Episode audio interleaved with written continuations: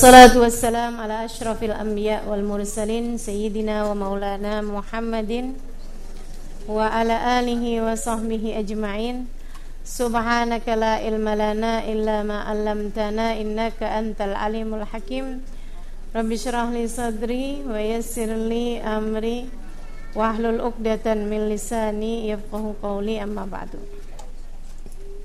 Alhamdulillah pada hari ini kembali kita dapat melanjutkan kajian kita. Kita akan mempelajari awal penciptaan manusia yaitu mengenai kisahnya Nabi Adam alaihi salam. Nah, ini ya. Dan sebelum kita mulai seperti biasa kita akan awali dengan membaca suratul Fatihah bersama-sama.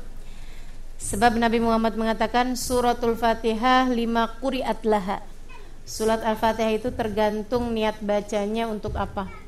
Dan kita niat membaca suratul Fatihah kali ini semoga Allah karuniakan ilmu yang manfaat.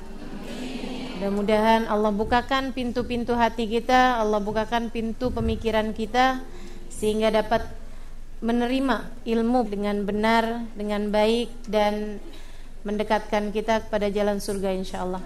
Fatihah biniyatin nafa' wal intifa' wal mudzakarah wat tadhkir ibtigha mardatih wa qurbih wa dawabih wa husnil khatimah ma'lud fil afiyah wa salahil akibah wa ila hadratin nabi al-fatihah.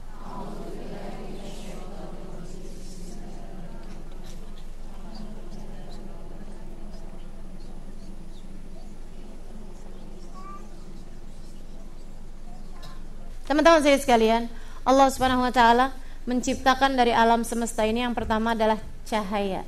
Baginda kita Nabi besar Muhammad. An Jabir bin Abdullah Al-Ansari radhiyallahu taala anhu qala Sa'altu Rasulullah sallallahu alaihi wasallam bi abi wa ummi akhbirni ya Rasulullah ma awwala khalaqahu Allah qabla al-asya. Dari sahabat Jabir bin Abdullah, beliau bertanya kepada Nabi Muhammad alaihi salam, Demi ayah bundaku wahai Rasul, beritahukan kepada aku apa yang pertama kali Allah ciptakan sebelum diciptakannya segala sesuatu. Qala Nabi Muhammad menjawab, "Ya Jabir, innallaha khalaqa qabla al-asya' nura nabiyyika Muhammadin sallallahu alaihi wasallam min nurih." Wahai Jabir, ketahuilah Sesungguhnya yang pertama kali Allah ciptakan sebelum diciptakannya segala sesuatu adalah cahayanya Nabi Muhammad sallallahu alaihi wasallam. Belum ada apa-apaan. Diciptakannya dari apa? Min nurih dari cahayanya Allah. Sebelum diciptakannya Jibril. Sebelum diciptakannya Arsy. Sebelum diciptakan kursi. Yang kata Allah wasi'a kursiyuhus samawati wal ardh sebelum diciptakan lauhil mahfud. Sebelum diciptakan surga neraka. Sebelum diciptakan bumi. Sebelum diciptakan apa pun. Teman-teman saya sekalian yang pertama kali Allah ciptakan cahayanya Nabi besar Muhammad sallallahu alaihi wasallam dari cahaya Allah. Demikian hadisnya Nabi Muhammad alaihi salatu wasallam dari sini aja yang berakal faham betapa Nabi Muhammad memang istimewa dan spesial Betul kan? Cahayanya Allah ciptakan sebelum segala sesuatu, teman-teman saya sekalian. Mau disama-samain Nabi Muhammad manusia kok. Kayak kita juga. Nabi Muhammad mungkin berbuat salah, salah dari mana? Ya Allah, ya Allah. Mudah-mudahan Allah kasih kepada kita kemuliaan, kemampuan untuk beradab dan berakhlak kepada baginda kita Nabi besar Muhammad alaihi wasallam menyanjungnya, memuliakannya sesuai dengan tempat Allah Subhanahu wa taala berikan beliau di sisinya. Amin ya rabbal Sedikit sekalian, nah habis diciptakannya ruh Nabi Muhammad alaihissalam baru diciptakan yang lain-lain. Ciptakan malaikat, diciptakan segala ini itu segala macam Sedikit sekalian, termasuk juga Allah Subhanahu wa taala ciptakan bumi dan memang dipersiapkan Nabi Muhammad itu akan menjadi manusia termulia di atas muka bumi ini. Makanya ada istilah laula laula ya Muhammad ma khalaqtul aflak. Ada hadis qudsi Allah Subhanahu wa taala mengatakan kepada Nabi Muhammad, "Andai tidak karena wahai Muhammad tak akan aku ciptakan langit bumi dan seisinya." Bumi diciptakan. Nah, calon penghuni bumi ini, bumi ini diciptakan buat tempat tinggalnya Nabi Muhammad sallallahu alaihi wasallam. Sedikit sekalian saya muliakan, akan tapi Nabi tentu aja nggak sendirian tinggalnya. Nabi tinggal untuk waktu yang sebentar, nah, sisanya Allah Subhanahu wa taala akan jadikan.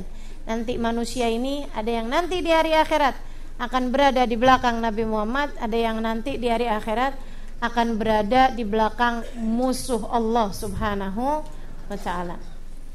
Jadi teman-teman saya sekalian, Allah pun merencanakan apa yang dia inginkan. Sesudah itu mulailah Allah Subhanahu wa taala menciptakan bangsa manusia, calon bangsa manusia. Burrah insaniyah, bibit-bibit manusia yang akan ada di atas muka bumi ini dari Nabi Adam sampai manusia paling akhir yang ada di atas muka bumi ini. Diciptakanlah ruh mereka secara berbarengan jadi kalau bicara tentang ruh antara kita sama kakek nenek kita itu seumur sebaya. Tapi ini bicara ruh. Ya kan begitu ya? Jangan kemudian mentang-mentang mentang-mentang sama kita panggil nenek kita namanya aja. Kakek kita namanya Ahmad kita panggil Mat. Kakeknya bilang, "Kenapa nih?" Kok sekarang kamu panggil nama saya senamanya aja? Kata Ustazah Halimah kita sebaya kayak Ya Allah. Emang sebaya semuanya dari manusia dari Nabi Adam Teman-teman saya sekalian. Sampai ke cucu kita ke bawah-bawah. Kalau ada tuh semuanya udah ada semuanya tuh. Di calon bakal manusia. Yang ini yang Allah subhanahu wa ta'ala sampaikan Dalam surat Al-A'raf. Alastu birabbikum Kata Allah aku bertanya kepada bangsa manusia ini, calon-calon manusia yang akan ada di atas muka bumi ini. Kata Allah, "Lastu birabbikum, bukankah aku adalah Tuhan kalian?" Qalu bala syahidna. Iya ya Allah, Engkau adalah Tuhan kami, kami menyaksikan itu. Nabi Muhammad dalam salah satu hadisnya ada di dalam kitab Al-Anwar Al-Muhammadiyah. Siapa yang ingin cari hadisnya bisa di kitab tersebut. Beliau mengatakan ana awal man qala bala. Aku adalah orang pertama yang mengucapkan bala ketika Allah bertanya, "Alastu birabbikum?" Bukankah aku adalah Tuhan kalian? Nabi Muhammad duluan tuh yang jawab, "Bala syahidna." Baru yang lain-lain pada ngikutin, "Bala syahidna." Karena memang Nabi Muhammad itu adalah pemimpin Sayyid walad Adam kata Nabi Muhammad. Ana Sayyid walad Adam Aku adalah pemimpin anak manusia. Pemimpin keseluruhan manusia. Nabi Muhammad alaihissalam. Dari sejak alam durrah insaniyah ini ya. Dari sejak alam uh, ruh-ruh manusia. Dan kabarnya teman-teman saya sekalian. Waktu alam arwah itu. Waktu alam arwah itu. Itu tuh ada yang adep-adepan, ada yang punggung-punggungan yang waktu di alam arwah itu adep-adepan, waktu hidup di dunianya mereka saling cocok, sejalan, sevisi, semisi, setujuan. Yang punggung-punggungan berarti waktu di dunianya nantinya musuh-musuhan. Kalau yang musuhan terus abis itu bayan, musuhan lagi, bayan lagi, bolak-balik kayaknya itu ya. Ya Allah. Bercerai. Habis itu balik lagi. Nah, ini berarti sempat punggung-punggungan, balikan lagi gitu. Mudah-mudahan di alam sana itu kita ngadep sama ruhnya Nabi Muhammad sallallahu alaihi wasallam. Amin. Ya rabbal alamin. Teman-teman saya sekalian, Allah kemudian menyimpankan calon arwah manusia ini ya alam burrah insania ini ditaruh di bawah naungan arsnya Allah Subhanahu wa taala. Dah tuh. Lama kemudian sesudah Allah Subhanahu wa taala menciptakan segala macam makhluk-makhluk yang lain, Allah kemudian menciptakan untuk bumi ini sedikit sekalian sebelum terciptakannya bumi ini bangsa jin. Itulah sebabnya kenapa dalam banyak ayat dalam Al-Qur'an jin disebut duluan sebelum manusia. Karena tinggalnya duluan dia daripada kita di muka bumi ini. Kata Allah, minal jinnati wanas. Kata Allah lagi wa ma khalaqtul jinna wal insa illa liya'budun. Tidaklah kami ciptakan jin dan manusia kecuali untuk beribadah. Jin duluan. Padahal kalau dari sisi kemanusiaan, dari sisi kemuliaan, manusia lebih mulia daripada jin. Dari sisi kemuliaan manusia lebih mulia daripada bangsa jin.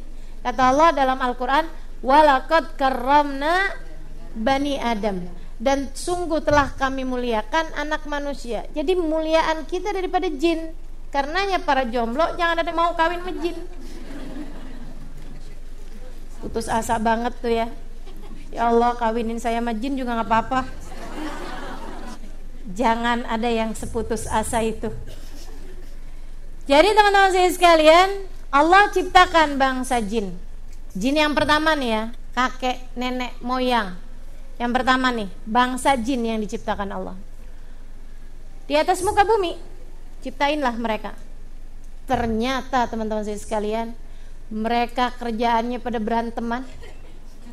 Mereka kerjaannya pada rebutan. Mereka kerjanya menumpahkan darah satu sama lain, saling bunuh membunuh saling berperang satu sama lain. Allah kesel, Allah marah. Ini kenapa nih? Diciptain di atas muka bumi kerjaannya malah saling mencelakakan satu sama lain. Aku ciptakan kalian sebagai khalifah, sebagai penjaga bumi, kalian malah merusak bumi. Kalian malah merusak bumi dengan kebencian kalian, dengan peperangan kalian. Itu kan merusak bumi. Gak ada perkara lebih merusak bumi daripada peperangan. Bukan begitu? Jadi nih, mereka perang, mereka rebutan, mereka musuhan. Allah kemudian murka kepada mereka semuanya, Allah hancurkan mereka semua. Dihancurkan sama Allah. Entah kehancurannya berupa apa, apa diturunkan hujan api atau apa, yang pasti semuanya hancur kecuali satu jin. Diselamatkan Allah. Kenapa dia diselamatkan si satu ini? Karena ahli ibadah. Namanya iblis. Anda akan tercengang. Namanya iblis, teman-teman saudaraku sekalian. Iblis ini karena minal jin fafasakan amri rabbih. Surat Toha ya. Karena minal jin. Si iblis ini karena minal jin asalnya dia dari bangsa jin fafasakanam rabbi kemudian dia fasik kepada Tuhannya itu teman-teman sekalian bangsa jin semuanya dihancurkan yang diselamatin dia doang tuh satu si iblis ini tadi dia diselamatkan sekali lagi bukan karena dosa bukan karena maksiat dia diselamatkan karena ibadahnya justru karena ibadahnya. Si iblis punya ibadah nggak tanggung-tanggung. Tidak ada satu jengkal tanah di atas muka bumi ini kecuali sudah pernah dibuat sujud oleh iblis. Demikian Imam Ghazali menceritakannya dalam kitab Minhajul Abidin. Tidak ada mamin buk afil arat illa waqad sajad iblis fihi sejidah. Tidak ada satu tempat jengkal tanah di atas muka bumi ini kecuali iblis udah pernah sujud di, di situ. Jadi sebelum kita sholat di Masjid Raya Al-Ittihad, iblis sudah duluan. Sebelum kamu datang ke negara mana, negara mana, ini muka bumi ini semuanya sudah pernah dibuat sujud sama iblis. Apa tujuannya iblis? Dia bilang biar semua tanah menyaksikan sujudku kepadanya. Keren gak? Tapi itu iblis loh itu. Ya Allah, luar biasa. Jadi di saat Allah menghancurkan penduduk bumi, pada saat itu si iblis dinaikin. Dinaikin ke mana? Ke surga. Tinggal bersama dengan para malaikat. Sebelum ada Nabi Adam alaihissalam, iblis sudah ada di situ. Tinggal bersama dengan para malaikat. bukan malaikat tapi tinggal bersama dengan para malaikat. Ngapain iblis di langit sana itu? Tidak ada satu jengkal tanah di langit kecuali iblis pun sujud di sana dengan satu sujudan. Jadi dia sujud, tar habis itu dia duduk lagi, dia sujud lagi di sebelahnya, dia sujud lagi sebelah, sujud aja kerjaannya. Ibadah yang luar biasa. Jadi kalau kamu ngerasa ujub sama ibadahmu,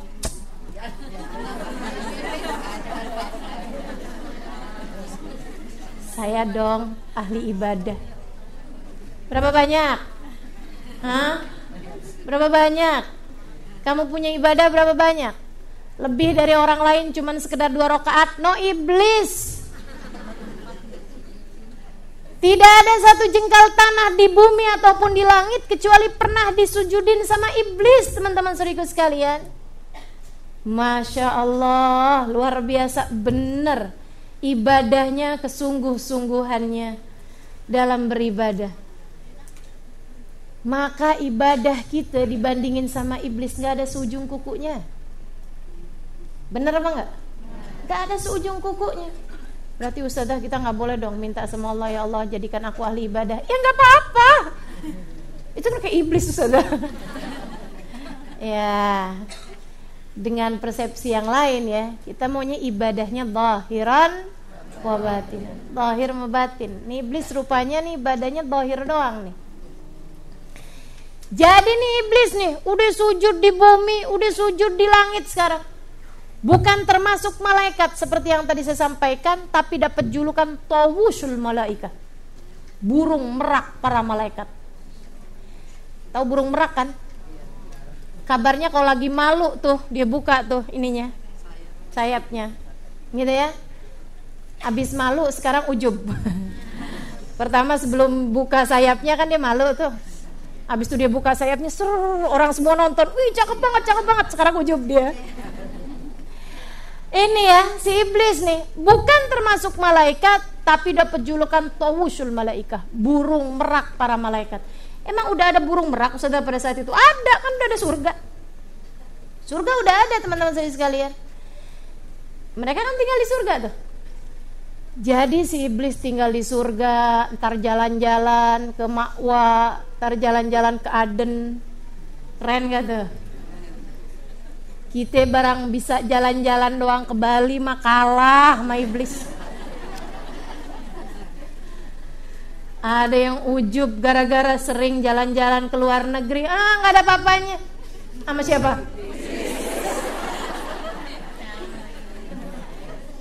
Jadi nggak usah sedih, bang. Kenapa sih bang? Aneh nggak pernah diajakin jalan-jalan, bang.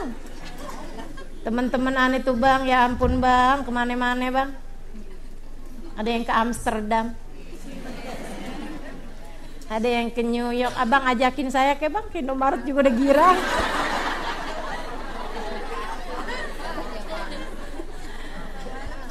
Ya Allah, ya Allah. Nih teman-teman saya sekalian, kalah jalan-jalannya orang zaman sekarang sama jalan-jalannya iblis. Iblis jalan-jalan naik turun surga. Iblis keliling, keliling langit-langitnya Allah Subhanahu wa taala. Langit demi langit dikelilingin sama iblis. Saudaraku sekalian saya muliakan sampai kemudian sesudah berpuluh tahun, beratus tahun sesudah itu Allah Subhanahu wa taala kemudian berkehendak sekarang saatnya. Wa qala rabbuka lil malaikah tatkala Allah berkata kepada segenap malaikat Inni ja'ilun fil ardi khalifah Aku akan jadikan di atas muka bumi ada penjaganya Aku mau bikin khalifah fil ard Apa kata malaikat? Qalu Atajalu fiha ma yufsidu fiha wa yasfikud dima. Ya Allah, apakah engkau akan ciptakan lagi di atas muka bumi penduduk-penduduknya, penghuni-penghuninya, penjaga-penjaganya, orang-orang yang yufsidu fiha. Mereka hanya akan berbuat kehancuran. Mereka hanya akan berbuat kerusakan di atas muka bumi. Wa yasfikud dima. Bakalannya mereka akan menumpahkan darah lagi dah ya Allah. Kayak yang dulu kita kan belajar dari pengalaman nih Para malaikat bilang, "Ya Allah, udah deh nggak usah kali ya Rob. Wa nahnu nusabbihu bihamdika wa nuqaddisu Ya Allah, kami dong para malaikat. Ini kan udah cukup. Kami senantiasa bertasbih padamu. Kami selalu mengagungkanmu. Kami menjadi seperti yang kau mau ya Allah. Apa kata Allah? Qala inni a'lamu ma la ta'lamun. Wahai para malaikat, aku tahu apa yang tidak kalian tahu. Allah merencanakan sesuatu. Apa rencananya Allah? Ada seseorang manusia paling tercinta di sisi Allah yang kelak akan menjadi nabi akhir zaman. Ya Allah kami nggak tahu kecuali apa yang sudah kau ajarkan kepada kami. Malaikat itu tidak tahu kecuali yang diajarkan sama Allah, kecuali yang sudah dikasih tahu sama Allah. Itu satu. Dan kalaupun dikasih tahu, tidak ada keinginan mencari tahu yang lain. Ini bedanya malaikat sama kita. Betul? Kita tuh kan dikasih tahu A, B. Kita cari tahu tentang C, D, E, E. Bagus kalau ilmu pengetahuan. Nggak bagus kalau aibnya orang keadaannya orang. Kan begitu ya? Nah ini. Kalau ilmu pengetahuan itu bagus teman-teman saya sekalian. Sayyidina Anas bin Malik Nabi Muhammad mengatakan padanya ilmu itu didapat dengan bilisanin saul. Dengan lisan yang suka bertanya. Oh kok sering nanya kalau ini kenapa begini? Ini gimana begini? Cari tahu gitu. Nah, malaikat itu nggak ada yang nyari tahu, nggak pada suka nyari tahu. Makanya ada cerita waktu Allah Subhanahu wa taala mau perintahkan malaikat buat nemenin, bantuin Nabi Muhammad pergi perang, mereka nanya sama Allah, "Ya Allah, gimana caranya perang?" Gak tahu mereka caranya perang gimana. Itu kan tugas dadakan. Jadi kan bukan tugas mereka. Jadi nggak paham mereka gimana caranya perang. Allah bilang, "Fadribu kullal a'naq wadribu kelabanan." Kata Allah itu diceritakan dalam Al-Quran. Sedikit sekalian saya muliakan. Jadi Allah bilang tuh, "Fadribu minhum kullalanak wadribu kullabanan." Kamu potong dari orang lehernya atau persendiannya. Set set set set. Pokoknya di persendian-persendian. Gitu ya, titik-titik yang mematikan. Sini leher ama persendian. Sesudah perang, para tabiin yang nggak pernah ikutan perang, yang dihadiri oleh para malaikat, mereka nanya sama para sahabat yang pernah ikut perang bersama dengan Nabi Muhammad di peperangan yang diturunkan malaikat. Kalian lihat nggak malaikatnya? Nggak lihat. Kalian berasa nggak kalau perang itu dihadiri malaikat? Berasa. Gimana berasanya? Nah pedangnya belum nyampe orang udah mati. Seru gak sih? Coba bayangin rasanya ya, udah mati duluan ya Allah. Seru bener ya. Terus ditanya lagi tahu nggak sih mana hasil perangnya kalian dengan hasil malaikat tuh yang terbunuh gitu misalnya? Ketahuan apa enggak ketahuan. Gimana cara taunya? Pokoknya malaikat selalu aja bunuh di leher. Karena diajarinya bunuh leher mereka bunuh persendian mereka. Nggak ada yang kreatif nggak ada tuh tusuk jantung. Kan paling cepet padahal. Gitu kan ya? Atau misalnya perutnya apa kenapa lah gitu. Tangannya kenapa kaki lengannya kenapa. Nggak ada teman-teman sosial. Mereka selalu bunuhnya kulal anak. Bunuh leher aja zret nah itu malaikat berarti hasil bunuhnya. Jadi itu sekalian saya muliakan. Jadi kembali kepada Allah dengan para malaikat. Gitu ya Tanyain malaikat, apa nih nama ini apa? Gak tahu ternyata. Subhanaka la ilma lana illa ma 'allamtana innaka antal alimul hakim. Ya Allah, kami gak tahu apa-apa kecuali yang sudah Engkau bagi tahu kepada kami. Innaka antal alimul hakim. Jadi malaikat nih misalnya rokib disuruh nyatetin amal ibadah, dia taunya nyatetin amal aja. Nggak tahu nyatet dosa malaikat atid sebaliknya dia kerjaannya cuma nyatet dosa jadi dia taunya nyatet dosa aja Jadi nggak ada ceritanya malaikat rokib kasih tugas sama malaikat atid.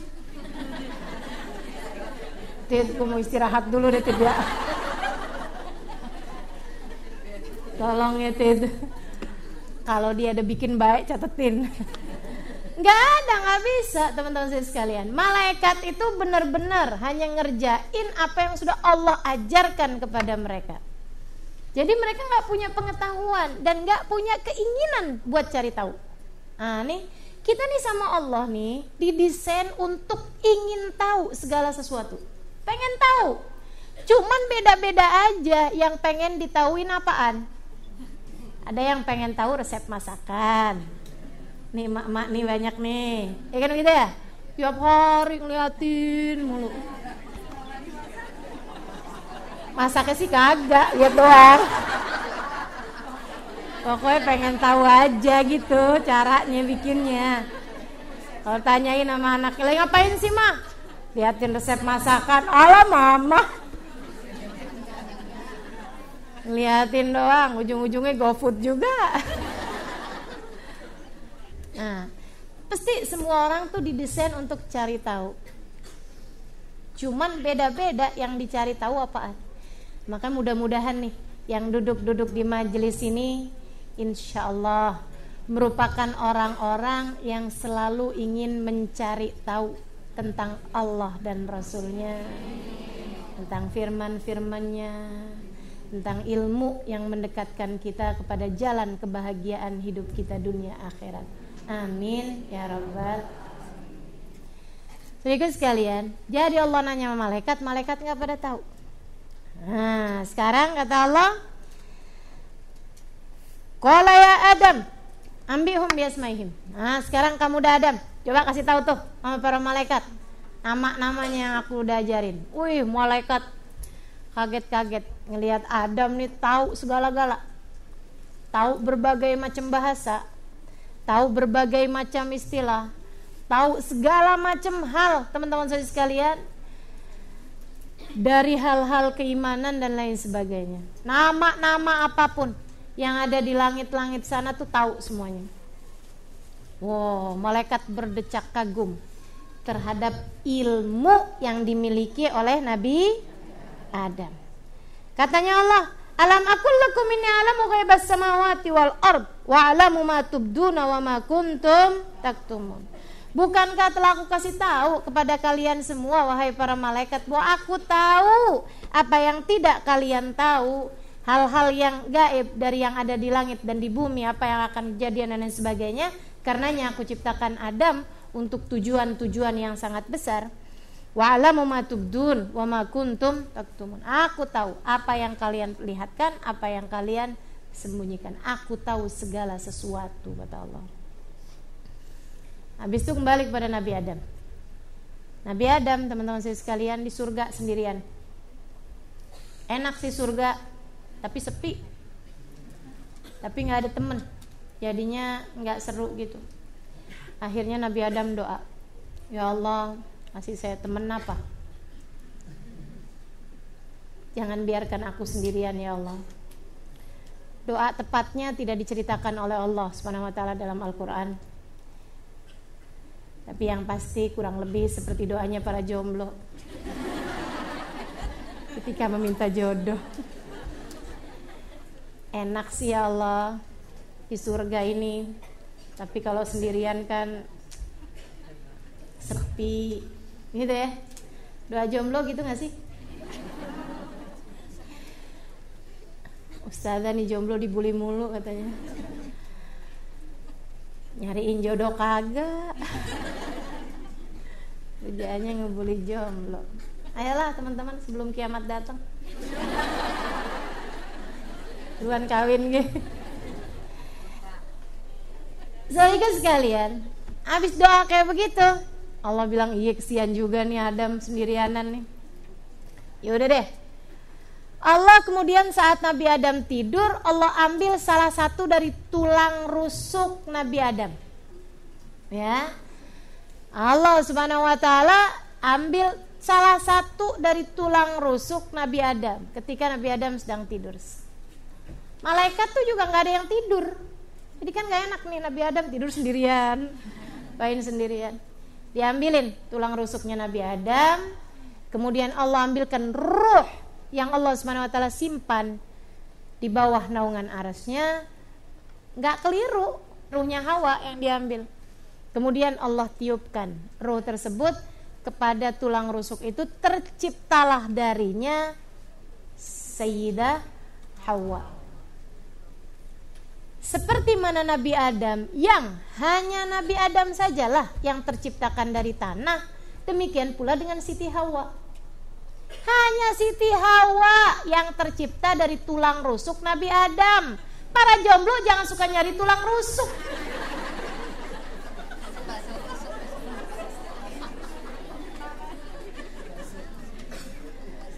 Ada nih hari Valentine. Wah tanggal 14 Februari. Ada tuh yang pada punya pacar haram pada hal itu ya.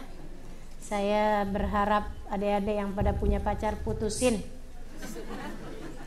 Putusin pacarnya. Teman-teman saya sekalian, ada yang kalau lagi inian nih, lagi Valentine gitu. Pacarnya bilang, "Aku ingin menghadiahimu dengan coklat atau bunga yang cewek nyaut. Jangan kasih saya coklat. Jangan kasih saya bunga.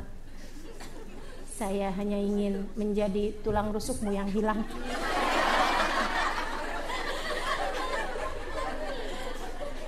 Ya Allah ya Allah. Tulang rusuk hilang dari mana ceritanya? Udah jangan suka nyari tulang rusuk saya ini berasal dari tulang rusuknya siapa ya? Kagak ada. Kamu berasal dari air sperma ayahmu yang bertemu dengan indung telur ibumu. Maka terciptalah jasad kamu itu kemudian janin kamu itu dalam rahim ibumu. Begitu. Siti Hawa doang yang tercipta dari tulang rusuknya Nabi Adam alaihi salam. Makanya teman-teman saudariku sekalian, sekali lagi hanya Nabi Adam yang diambil tulang rusuknya diciptakan Hawa darinya. Yang lain-lain gak ada. Kita-kita semua nih perempuan-perempuan nih bukan nyari jodoh, saya tulang rusuk kamu apa bukan? Ketika kemudian gak jadi jodoh, ternyata saya adalah bukan tulang rusukmu. Nih ya, menurut kamu yang pernah kawin dengan 20 orang, Jadi nggak punya tulang rusuk dong itu. Gak ada ceritanya teman-teman saya sekalian. Gak ada ceritanya. Pas pisah, kemudian kawin lagi, hilang lagi satu tulang rusuk. Aneh-aneh. Kalau kayak gitu modelnya, kalau mau tahu dia kira-kira beristri berapa, tinggal di scan aja. Betul nggak? Itu tulang rusuk hilang berapa nih? Ya Allah, enggak gitu. Yang tercipta dari tulang rusuk sekali lagi hanya Siti Hawa. Kagak ada yang lain. Dia doang tuh satu, teman-teman saya sekalian. Itu pun diciptakan Nabi Adamnya lagi tidur. Begitu bangun tidur, eh ada siapa nih? Yeah. Mau dideket-deketin. Ya Adam, la tagrab ilaiha hatta tuaddi mahra. Wahai Adam, kamu gak boleh deket-deket sama dia sampai kamu bayar maharnya dengannya. Kamu berarti telah aku kawinkan. Wah, pakai kawin. Adam aja pakai kawin di surga. Kagak ada cewek lain loh. Satu doang. Artinya jodohnya bukan yang lain-lain, pasti dia kan. Segitunya pakai kawin, teman-teman saya sekalian. Nah ini yang pada kumpul-kumpul kebo maksudnya apaan tuh? Nabi Adam masih Hawa jadi kawinin. Nabi Adam nanya wa mamah ya Rab, apa maharnya ya Allah? Antusalli ala habibi Muhammad. Kamu baca solawat kepada kekasihku Muhammad. Nah, ini ada riwayat yang menceritakan seperti ini. Saudaraku sekalian, maka Nabi Adam dengan Siti Hawa pun resmi menjadi pasangan suami istri. Jalan-jalan deh tuh di surga. Wow. Kata Allah Subhanahu wa taala wa idkulna lil malaikati isjudu li Adam. Oh. Sesudahnya nih ya. Wa qulna ya Adam uskun anta wa zaujukal jannah. Wahai Adam, tinggallah kamu bersama dengan istri kamu tuh di surga. Jadi udah senang tuh berduaan. Senang berduaan. Sedikit sekalian saya muliakan, ini ada bagian yang terlupa dan ini padahal yang terpenting. Nabi Adam nih habis diciptakan masih lagi sendiri itu. Habis diajarin ilmu gitu ya, jalan-jalan di surga gini gitu segala macem. Allah demen seneng banget nih sama makhluk yang baru ini nih Adam ini tadi. Allah kemudian bilang wa idkulna lil malaika Allah kumpulin segenap malaikat. Kumpulin semuanya. Tatkala Allah berkata kepada segenap malaikat ya malaikatis juduli Adam wahai malaikat-malaikatku semuanya sujudlah kalian semua kepada Adam. Diajarin segala ilmu sama Allah pantas jadi yang mulia. Mulia karena ilmu. Jadi emang dari dulu yang namanya ilmu tuh bikin orang mulia. Bukan karena cakep bukan karena kaya tapi karena ilmu. Wahai malaikatku sujudlah kalian semuanya kepada Nabi Adam. Wah malaikat begitu diperintah sama Allah sujud kalian semua semuanya langsung sujud Fasajadu sujud nih mereka semua. Illa kecuali si iblis. Kalau semuanya lagi pada berdiri, yang berdiri nggak kelihatan kan? Atau kalau semuanya lagi berdiri, ada yang sujud nggak kelihatan, ketutupan kan? Tapi kalau semuanya sujud, ada satu yang berdiri kan kelihatan banget. Mau di ujung, mau dia di tengah, mau ada di depan, mau di mana-mana kelihatan. Yang lain sujud, dia petantang, petenteng, kagak sujud. Allah tanya, Ya iblis, ma mana akan tusjudaid amartu? Wahai iblis, kenapa kamu gak mau sujud sendirian? Padahal aku yang kasih kepadamu perintah. Kamu selama ini sujud, kerjaannya iblis tuh lo sujud. Dia kagak ada yang nyuruh kerjaannya sujud. Giliran disuruh kagak mau sujud. Aneh nih ya.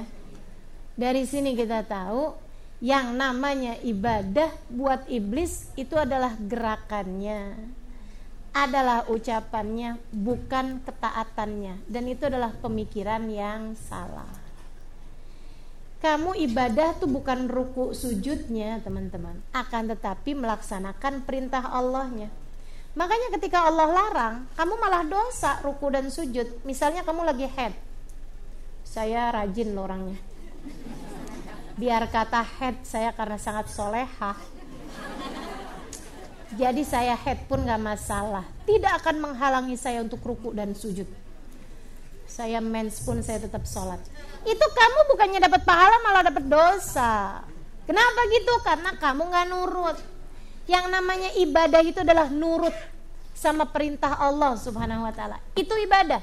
Nah, iblis nih dia salah pemahaman tentang konsep ibadah. Jadi yang dikira ibadah adalah sujudnya. Makanya dia sujud aja di bumi. Sujud aja di langit kerjaannya. Giliran disuruh sujud malah nggak mau. Nah, ini kan aneh-aneh nih. Allah tanya, "Iblis, kenapa?" Kenapa kamu tuh giliran aku suruh malah nggak mau sujud? Teman-teman sedikit sekalian saya muliakan. Ini seru nih ya. Andai iblis itu bandel. Jadi ngerjain dosa karena bandel. Orang nih kan. Orang nih di atas muka bumi ini ada tipe pekerja dosa, ada tipe pembuat dosa tuh ada tiga teman-teman saya sekalian ada yang ngerjain dosa, meninggalkan perintah Allah dan melakukan larangan karena males. Karena males. Kenapa kamu eh, nggak uh, mau pakai jilbab? Males gue. Kayaknya kayaknya gerah gitu. Misalnya gitu ya. Kenapa kamu nggak mau sholat? Duh, males banget dah. Gitu kan? Ada yang tipenya malas. Malas buat mengerjakan ibadah. Dia tahu itu wajib, dia tahu itu perintah, cuman malas Nah yang malas-malas ini biasanya nyari-nyari, nyari-nyari apalah gitu kan, pembenaran-pembenaran gitu. Nah ini nih ada nih yang malas nih. Ada juga yang nomor dua, ngerjain dosa karena bandel. Karena terkalahkan sama hawa nafsu. Ini tipe yang kedua. Lebih berbahaya daripada yang pertama. Gitu kan? Kenapa kamu nggak mau sholat? Uh, gimana ya? Ya gitu deh. Kenapa kamu nggak mau pakai jilbab? Ya kalau gue pikir-pikirin sih ya sebenarnya bandel, bandel teman-teman saya sekalian. Ntar aja deh kira-kira umur berapa gitu saya mau pakai jilbab. Terus jilbabnya juga dimodif-modif gitu kan ya. Ketika dia mau pakai jilbab juga kayak nanggung-nanggung gitu loh. Kemarin saya ditanya, Ustazah boleh nggak sih pakai jilbab tapi kemudian pakai rambut piwig dalamnya gitu. Jadi kelihatan kayak rambutnya gitu. Nyari-nyari gitu nyari-nyari. Ya. Ini ini bandel gitu. Yang kalaupun sholat jadi ya bandel gitu. Sholatnya yang cepet-cepet kayak gitu kan bandel disuruh apa dia ngerjain apa gitu tapi emang bener-bener bandel karena terkalahkan awan nafsu aja dan yang nomor tiga ini yang paling berbahaya nih dia nih kesalahannya iblis sombong teman-teman saya sekalian Iblis ditanya, Allah mau tahu alasan ente kenapa nggak mau sujud? Padahal aku yang perintahkan kata Allah. Jelas. Allah bilang padahal aku yang perintahkan kepadamu. Iblis nggak bilang males dah ya Allah. Aduh gimana ya Allah ya, males saya tuh. Soalnya juga yang tanah yang ini, ini juga pernah saya udah sujudin. Gimana kan? Mau gimana lagi gitu. Ada yang tiba-tiba males nih ya? Ada. Iblis tuh nggak kayak begitu gitu. Dia nggak males nggak males semua tempat dia pernah sujudin kok. Nggak males nggak juga bandel. Bandel kayak gimana contohnya? Emang itu perintah tadi buat saya ya ya Allah kan tadi perintahnya buat malaikat saya kan bukan malaikat ya Allah biar gimana juga saya kan jin kan aslinya jadi kan perintahnya bukan buat saya dong jadinya saya nggak perlu sujud dong itu bandel namanya Iya kan? Itu bandel namanya. Atau ya Allah tadi saya nggak kedengeran. saya kan lagi agak-agak ini gitu. Agak tuli dikit saya. Misalnya gitu, itu bandel namanya teman-teman saya sekalian. Ini enggak dua-duanya, bukan bandel, bukan males si iblis ini. Makanya kita nih kalau ngerjain dosa, jangan jauh-jauh dari dua hal itu aja, jangan naik lagi, jangan naik lagi. Karena teman-teman saya sekalian, ini si iblis nih. Para pembuat-pembuat dosa diawali dari malas, kemudian bandel, bisa naik kepada sombong. Oh, udah sombong tuh, yang bilang kayak gini nih, ngapain sholat? Kalau disuruh sholat, ngapain sholat? Ada banyak orang-orang sholat nggak bener. Banyak juga orang nggak pakai sholat dan bener-bener hidupnya. Sholat tuh nggak penting, itu sombong namanya. Batarul hak, meninggalkan kebenaran. Enggan terhadap kebenaran, teman-teman sekalian. Ini yang paling berbahaya. Ini yang paling berbahaya. Kenapa kamu nggak nggak nutup aurat? Nggak perlu juga sebenarnya. Itu tuh zaman dulu orang disuruh nutup aurat, suruh pakai jilbab segala macem. Karena laki-laki dulu tuh ngelihat rambut perempuan aja bisa bernafsu. Orang zaman sekarang rambut segala rambut dikasih lihat kagak ada nafsunya. Jadi udah nggak berlaku lagi tuh nutup aurat. Lagi pula yang harus ditutup tuh bukan aurat sebenarnya. Tapi hatinya duluan. Jadi saya selama ini sih kelihatannya belum pakai jilbab, tapi saya udah jilbabin hati saya. Ini orang-orang yang batorul hak menolak kebenaran. Dan ini adalah pelaku-pelaku kesombongan. Kayak si iblis. Ketika ditanya kenapa iblis? Kamu nggak mau sujud? Sama nih kayak jawabannya orang-orang zaman sekarang. Nih hari-hari kita nih cuman diputer-puterin aja kejadian dulu tuh selalu terulang sampai ke zaman sekarang teman-teman Berulang-ulang aja kayak gitu-gitu aja, puter-puter aja sama Allah Subhanahu wa taala. Mana dia iblis, mana dia Adam, mana dia Hawa, mana dia iblis lagi, mana dia Adam, mana dia Hawa, puter-puter aja kayak gitu-gitu aja. Mana malaikat? Kan begitu? Ada kalangan malaikat, ada Nabi Adam, ada Siti Hawa, ada iblis. Termasuk golongan manakah kamu? termasuk golongan manakah kita? Saudaraku sekalian saya melihatkan iblis ketika ditanya kenapa kamu nggak mau sujud, jawabannya sama kayak beberapa orang kenapa kamu nggak mau sholat? Saya nggak sholat aja masih lebih baik daripada yang mereka mereka tuh sholat sholat tapi kayak begitu keblinger. Pernah dengar gak? Sering dengar gak? Kenapa kamu nggak mau nutup aurat? Nah, mendingan saya. Saya nggak tutup aurat, tapi saya baik sama keluarga, saya baik sama teman-teman saya, saya baik. Nah itu dia tuh. Saya lebih baik daripada mereka yang tidak menutup aurat kan begitu? Sama kayak si iblis. Waktu ditanya kenapa kamu iblis nggak mau sujud sama Adam, padahal aku yang perintah. Apa katanya iblis? Ana khairun minhu. Aku lebih baik darinya. Aku lebih baik darinya. Aku lebih baik dari Adam. Kenapa kamu merasa gitu?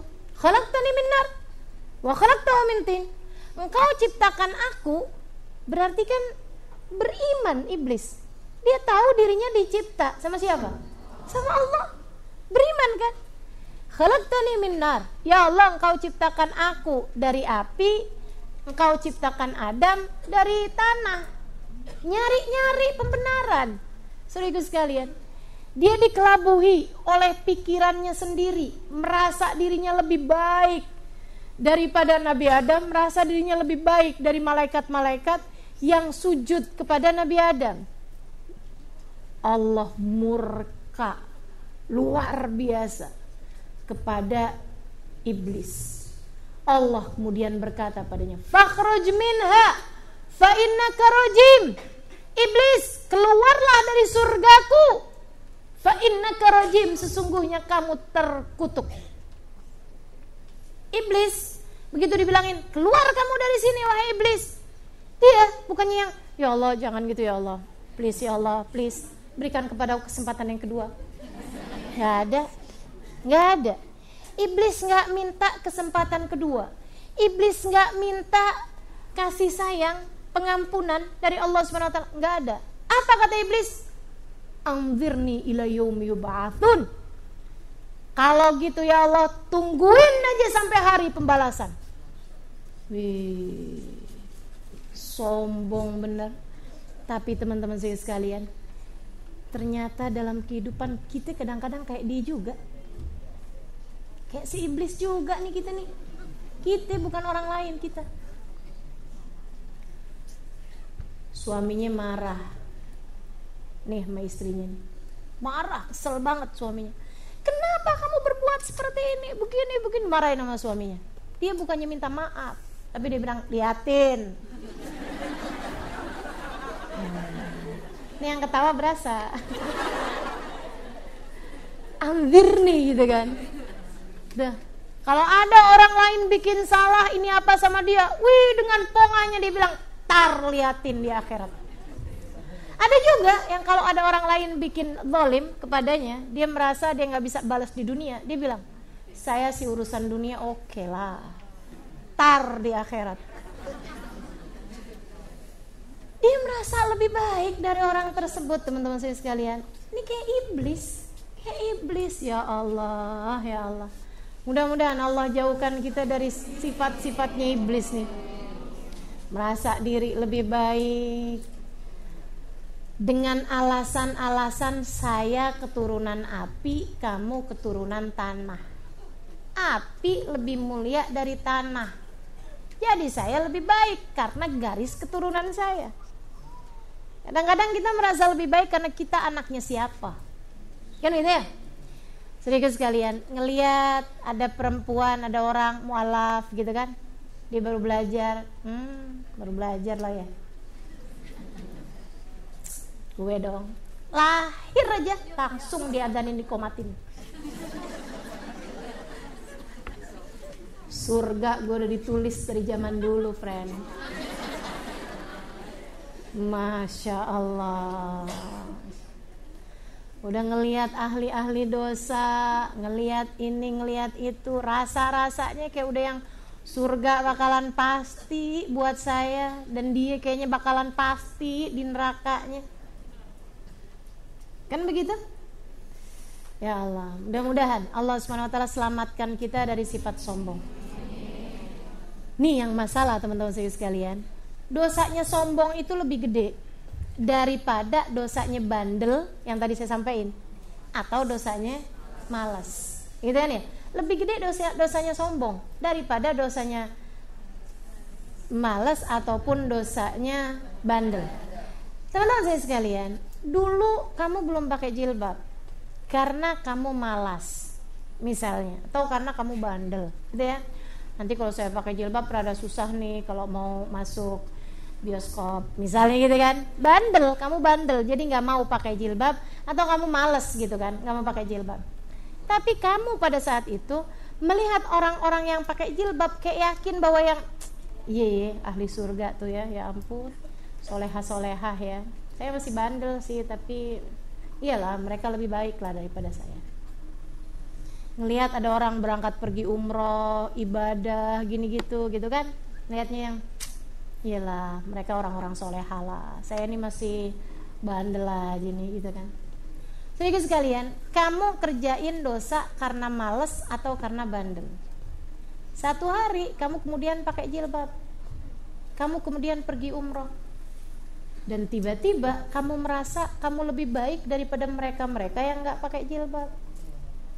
Dan kamu merasa bahwa kamu lebih baik daripada mereka-mereka yang nggak pernah berangkat umroh nggak pernah berangkat haji. Kamu tidak sedang ibadah kamu hanya berpindah dari satu dosa menuju dosa yang lain. Betul nggak? Betul nggak? Kamu hanya berpindah dari satu dosa berupa ninggalin salat berupa nggak pakai jilbab menuju kepada dosa yang lain yang jauh lebih besar bahayanya buat kamu daripada dosa karena malas dan bandel. Kemudian kerjaannya nyinyirin mereka-mereka yang pakai jilbabnya belum sempurna. Kemudian kerjaannya merasa diri lebih baik daripada yang udah ngaji tapi nggak pernah kenal berzikir, nggak pernah kenal maulidan, nggak pernah bangun buat tahajud. Kayaknya dia merasa bahwa surga udah ada di tangannya. Kayak udah malaikat Jibril kasih tahu gitu, nih tiket surga kamu gitu, kayak gitu. Kayaknya dia ngelihat semuanya ahli neraka dan dia yang jadi ahli surga. Teman-teman, saudariku sekalian saya muliakan, jangan mau dikelabui hawa nafsu, jangan mau jadi pengikut iblis. Kalau bicara tentang ibadah sekali lagi, iblis jauh lebih banyak nilai ibadahnya darimu. Akan tetapi dia beribadah bohir. Tidak pernah diibadahin hatinya dia hanya sujud badannya, tidak pernah disujudkan hatinya. Badannya doang yang sujud, rohnya nggak pernah sujud. Ada seorang santri datang kepada Imamul Haddad. Ya Imam, afil qalbi sujudun. Apakah hati itu ada sujudnya? Imam Al-Haddad tersenyum kemudian berkata Naam wa idza sajad lam yarfa ba'dahu abada. Betul nak. Hati ada sujudnya. Dan ketahuilah hati ketika ia sujud tidak akan pernah terangkat selamanya. Hati tatkala ia sujud ia tidak pernah terangkat selamanya. Sujud terus saja sama Allah taat terus saja sama Allah. Sampai-sampai dia makannya taat kepada Allah. Dia minumnya taat kepada Allah. Dia tidurnya taat kepada Allah. Dia jalannya taat kepada Allah. Dia ngapa-ngapain taat kepada Allah. Caranya menghormati orang tuanya bagian dari taatnya kepada Allah. Caranya menghormati suaminya. Jika dia perempuan adalah bagian dari sujudnya kepada Allah. Cara mendidik anak-anaknya bagian dari sujudnya kepada Allah. Dia make bajunya bagian dari sujudnya kepada Allah. Dia tidak lagi bertanya apa yang mau saya pakai. tapi dia bertanya apa yang Allah inginkan untuk saya pakai. Dia tak lagi bertanya apa yang ingin saya makan, tapi dia bertanya apa yang Allah inginkan untuk saya makan. Dia tidak pergi ke mana arah langkah membawanya, tapi dia selalu pergi ke tempat di mana Allah menginginkannya untuk pergi ke sana. Maka dia menjadi seseorang yang hidup di atas muka bumi dalam keadaan hatinya telah sujud kepada Allah dan tidak pernah lagi terangkat. Saudariku sekalian saya muliakan. Nah kalau kita lihat diri kita nih ya, taran taat, taran maksiat. Berarti hati kita belum sujud beneran. Masih hampir sujud. Makanya begitu mau Allah baru mau sujud nih. Keangkat lagi. Gak jadi lagi sujudnya. Hati apabila sudah sujud tidak akan pernah terangkat sesudahnya. Masya Allah. Hatinya para kasih kasih Allah SWT. Mengingat Allah dalam tiap waktu. Ada gitu sudah banyak banyak. Ketika kita belum menjadi salah satu di antara mereka, jangan menafikan keberadaan mereka di atas muka bumi ini. Ibadullah, la tulhihim tijaratun wala bai'un an dzikrillah mereka hamba-hamba Allah, perdagangan ataupun penghidupan tidak membuat mereka lalai dari Allah. Mereka mengingat Allah dalam tiap waktunya. Mereka hidup bersama dengan Allah Subhanahu wa taala. Jalla jalaluhu ta'ala azamatuh. Kalau teman-teman penasaran kisah-kisah mereka, silahkan baca tuh buku saya Bidadari Bumi. Saya ada ceritakan sebagian dari mereka di buku tersebut orang-orang yang hatinya telah sujud kepada Allah Subhanahu wa taala. Masya Allah. Ada Hubaba Bahia, ada Hubaba Umairah, ya kan? Ada Hubaba Khadijah binti Syekh Bakar bin Salim, Masya Allah. Ada Hubaba Khadijah Asgaf yang saya temuin di waktu haji itu kan. Semuanya orang-orang dengan hati yang sudah sujud kepada Allah Subhanahu jadi nggak kayak iblis. Hatinya sudah sujud. Badannya udah sujud tapi hatinya nggak pernah sujud. Dia sujudnya mengikuti hawa nafsu. Dia sujudnya buat bangga-banggaan. Tidak ada satu jengkal tanah kecuali saya udah pernah sujud di situ. Kata iblis, nggak ada sejengkal tanah di langit kecuali saya udah pernah sujud di situ. Dibuat bangga-banggaan. Teman-teman saudariku sekalian yang saya muliakan, hati-hati sama ibadah yang hanya membuatmu sekedar berbangga dengannya.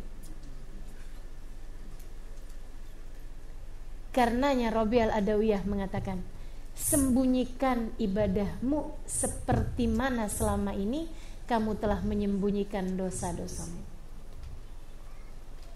Biarkan jadi rahasia antaramu dengan Allah Subhanahu wa taala. ini yang dilakukan bareng-barengan apa-apaan maunya bareng-barengan. Giliran sendiri pun kagak ada yang lihat diupload di media sosial. Ngupload tentang urusan tahajud di jam 3 pagi. Maksud kamu apa? Hah? itu kan dakwah ustazah ngajak orang melakukan kebaikan. Ngapain pakai jam 3 pagi Ngapain? Nggak bisa siang-siang aja gitu? Siang-siang kan bisa. Kalau tujuanmu memang mengajak orang dalam kebaikan. Hati-hati. Arya yadubbu fi ummati dabi benemen. Kata Nabi Muhammad hati-hati. Ria tuh masuk dalam hati umatku seperti suara desisan semut. Coba dah kalau semut lagi ngobrol dengerin. Kedengeran apa enggak? Nggak kedengeran teman-teman. Demikian pula ria tuh kalau masuk. Kayak agak samar-samar gitu tapi kan saya mau berdakwah. Serius. Serius. Saya sekalian udah bagus-bagus tahajud suami nggak tahu anak nggak tahu. Eh sengaja pagi-pagi kelihatan lemes bener. Suami tanyain kamu kok lemes banget pagi hari ini Ya kan gitu bang, semalam kan alhamdulillah. Kenapa emang? Ya gitu deh bang, inget gak bang keterangan Ustadz yang kemarin tuh bang? Oh yang urusan tahajud, lo bisa tahajud? Kagak deh bang, gitu doang bang, 11 rakaat.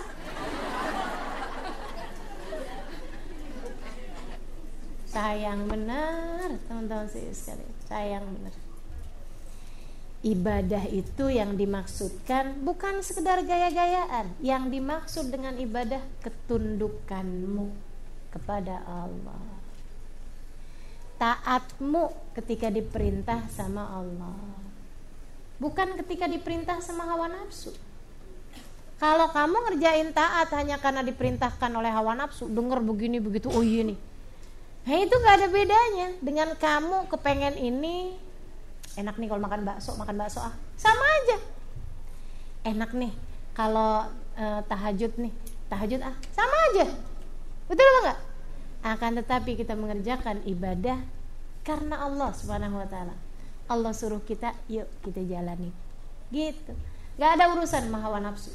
Jadi meskipun nggak dihargain nggak jadi soal. Emang kita nggak mau pandangan orang Walaupun gak ada yang tahu, gak jadi masalah. Malah seharusnya kamu takut kalau orang pada tahu. Orang ngirain kita solehah, teman-teman sekalian. Kenapa? Karena kita bangun tahajud. Ya ampun kan malu, mana tahajudnya banyakkan nguapnya daripada rokaatnya. Bener? Bener? Orang ngirain kita solehah karena kita sholat karena kita sholat sunnah, ya ampun, ya ampun. Tinggal malaikat aja yang bingung, sholat apaannya? Dari awal takbiratul ihram sampai salam kagak ada inget-ingetnya sama Allah. Sholat yang mana yang kamu maksud? Itu mah baru gambarannya doang sholat. Padahal hakikatnya kamu belum sholat. Dan orang menganggap kita soleha karena sholat kita yang mana yang mereka maksud. Teman-teman saudariku sekalian saya muliakan Iblis beribadah jauh lebih banyak daripada kita. Tapi ketika ibadahnya hanya karena untuk bangga-banggaan. Ibadahnya hanya karena mengikuti hawa nafsunya. Teman-teman saya sekalian, ia menjadi habaan mentura, menjadi debu yang berterbangan begitu aja. Enggak ada pengaruhnya apa-apa bagi kehidupannya. Jangan mau menjadi seperti iblis. Saudariku sekalian saya muliakan merunduklah. Hatimu merunduklah. Tiap kali setan bilang kamu sekarang solehah ya? Bilang agak ada. Solehah dari mana? Kamu ilmunya banyakan sekarang. Ya ampun ilmu doang mah. Kayak resep obat. Cuman saya bacain doang. Agak sembuh-sembuh juga saya kamu masya Allah sekali ya. Pak Anye. Ya sholat kamu lebih banyak. Ah banyakkan kakek moyang kamu noh iblis. Ya sholat lebih banyak daripada saya. Akhirnya kayak gimana tuh? Gituin teman-teman saya sekali.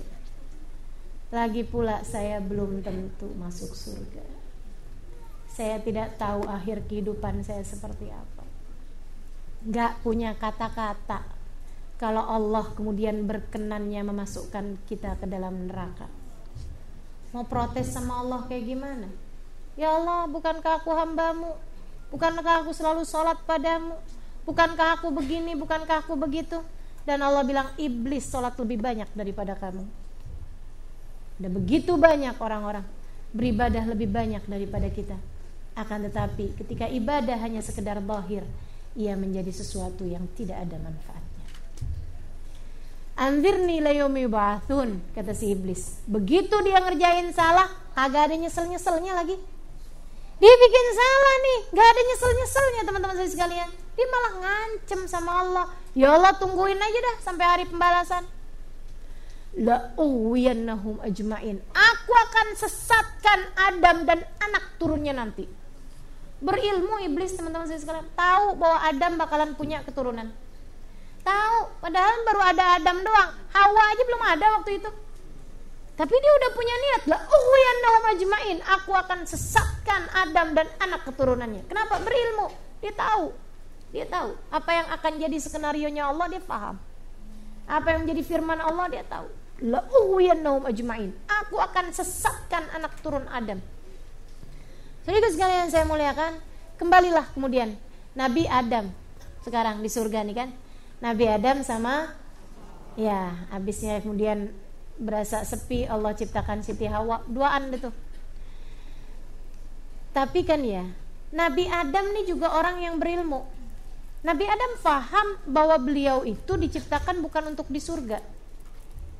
Sebab di surga itu nggak ada amal ibadah di surga itu tempat pembalasan.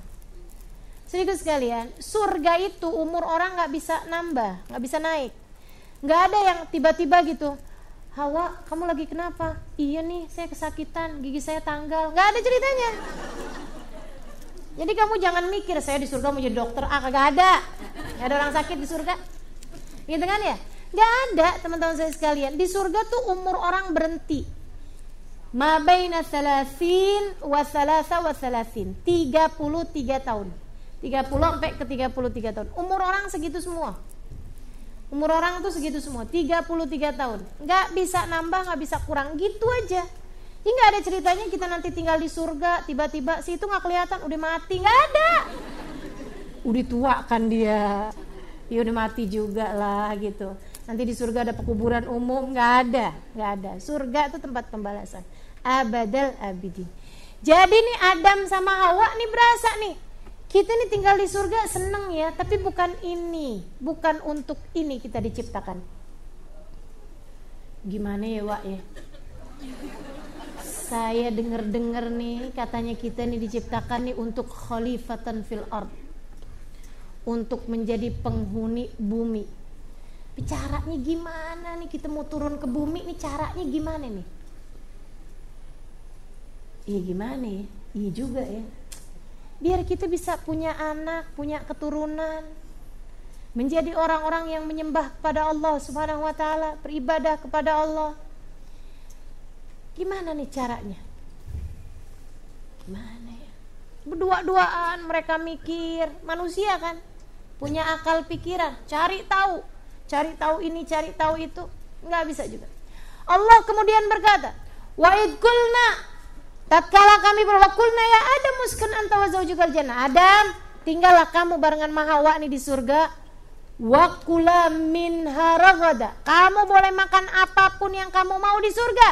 Tapi wala taqrabah hadhihi syajarah. Pohon yang satu ini nih, pohon yang satu ini jangan kamu deketin.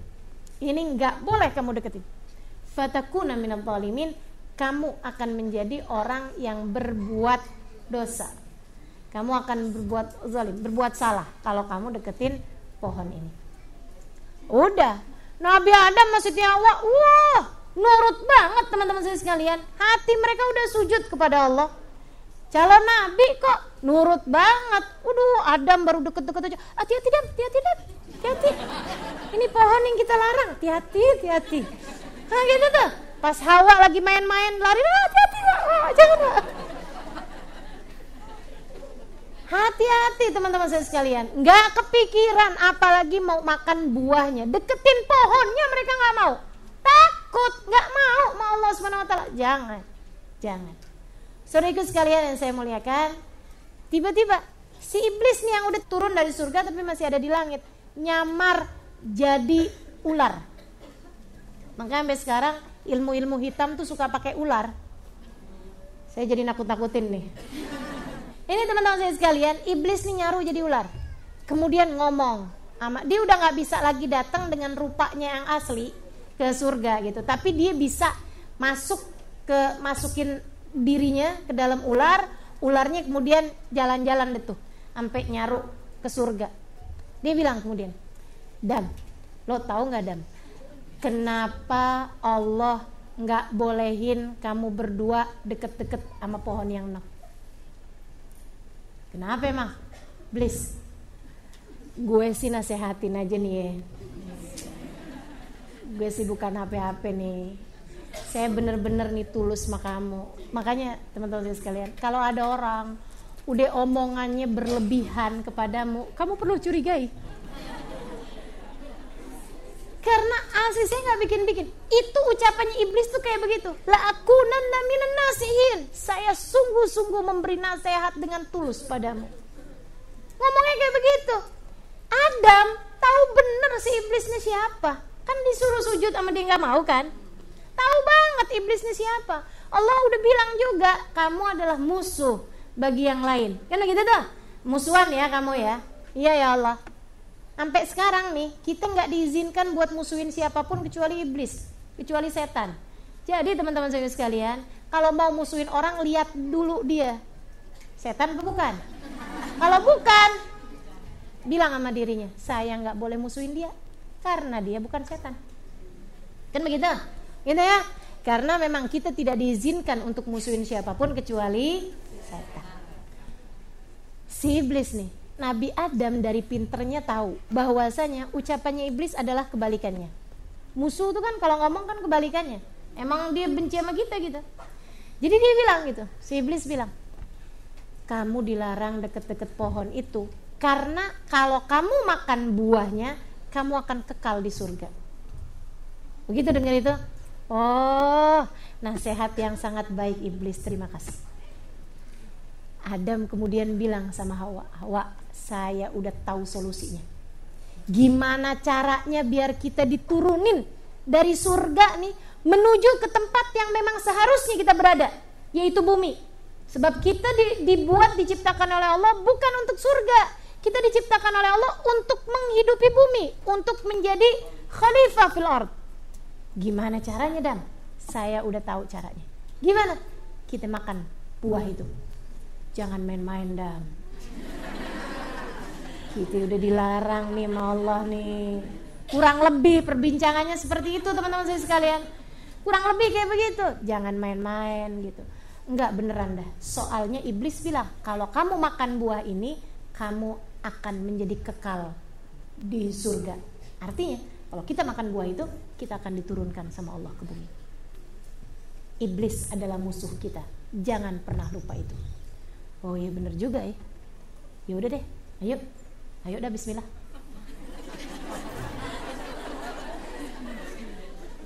Bismillah. Ini, ini ada jenis pelanggaran yang nomor berapa nih? Nomor 4 ini ya. Ada yang karena males, tadi kan? Ada yang karena bandel, ada yang karena sombong. Nih yang keti yang keempat nih karena pinter nih. Justru karena pinter nih kan. Nabi Adam bilang, "Ya bismillah deh. Bismillah." Mereka dengan kesengajaan, teman-teman saya sekalian mereka faham perintahnya. La taqrabah di syajarah. Jangan deket-deket nih pohon. Deket aja nggak boleh. Ini bukan cuma dideketin, dipanjat, diambil buahnya dimakan. Allah kemudian bilang, lah Adam, Hawa, kenapa kamu makan buah ini? Ketika mereka makan tuh buah, ya tanasar siabuhunna. Bajunya nih kemudian jadi pada berterbangan, pada terlepas. Perhiasan-perhiasannya semuanya terlepas teman-teman saya sekalian. Habis gitu kemudian begitu ditelan, gelek. Begitu ketelan, Adam langsung kenyang.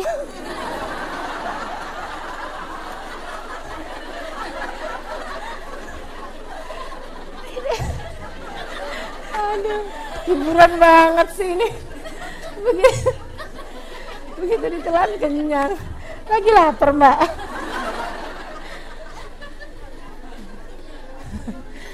Saya lagi seru-serunya cerita nih. Jadi hilang konsentrasi saya.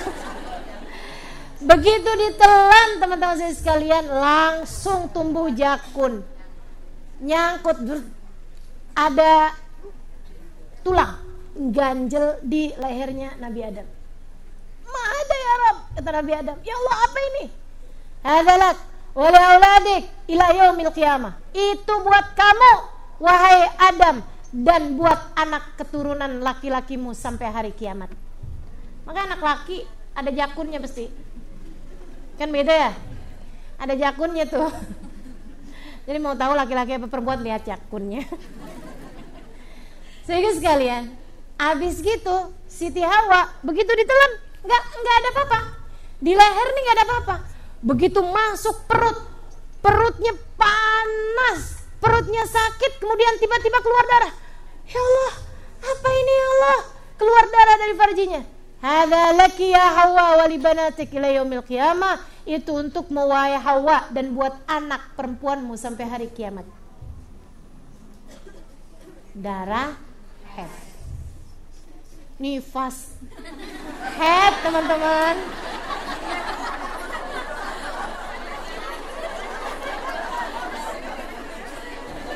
Baik, saya sekalian saya muliakan, maka sejak itulah kemudian mereka turun di atas muka bumi. Nah, ini ya, satu terakhir nih.